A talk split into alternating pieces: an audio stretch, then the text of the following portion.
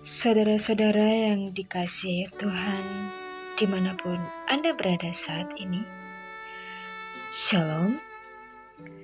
Kembali Gembala menyapa pada hari ini dengan bacaan yang diambil dari Mazmur pasal 119 ayat 97 sampai 104.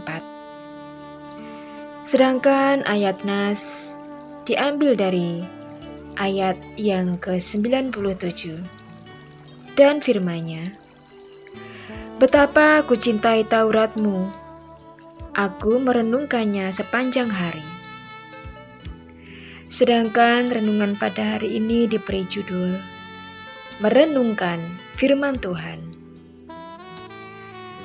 Saudara-saudara yang dikasihi Tuhan dan yang mengasihi Tuhan, pada umumnya kita masih mau membaca Alkitab, tetapi enggan untuk merenungkannya.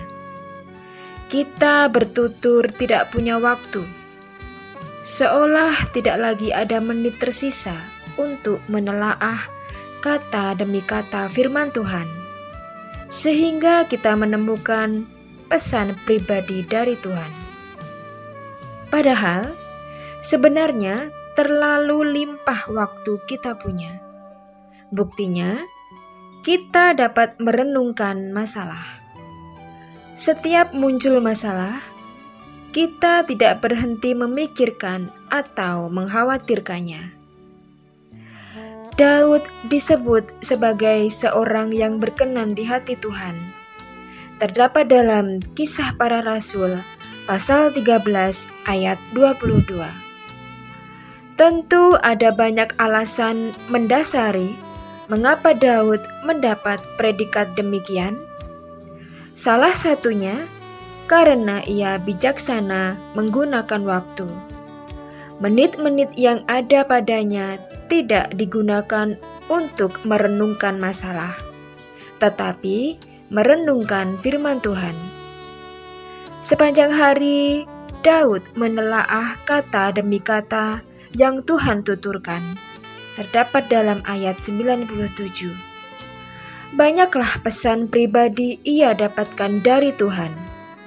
Tidak heran, Daud tidak merasa tawar hati, walaupun banyak persoalan harus ia hadapi. Dari merenungkan firman Tuhan, Daud beroleh akal budi. Terdapat dalam ayat 99. Dan pengertian. Terdapat dalam ayat 104.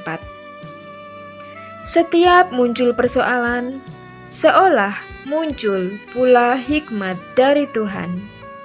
Tidak heran, ia tidak terlihat bimbang.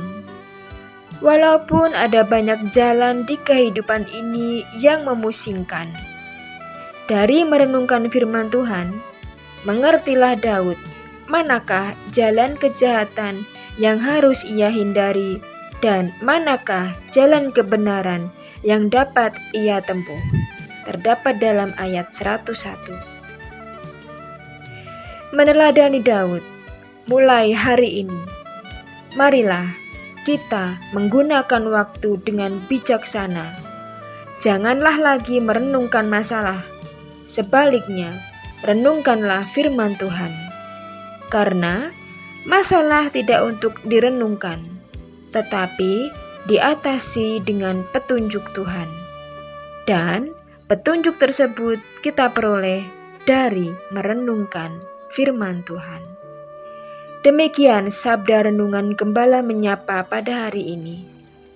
Tuhan memberkati. Amin.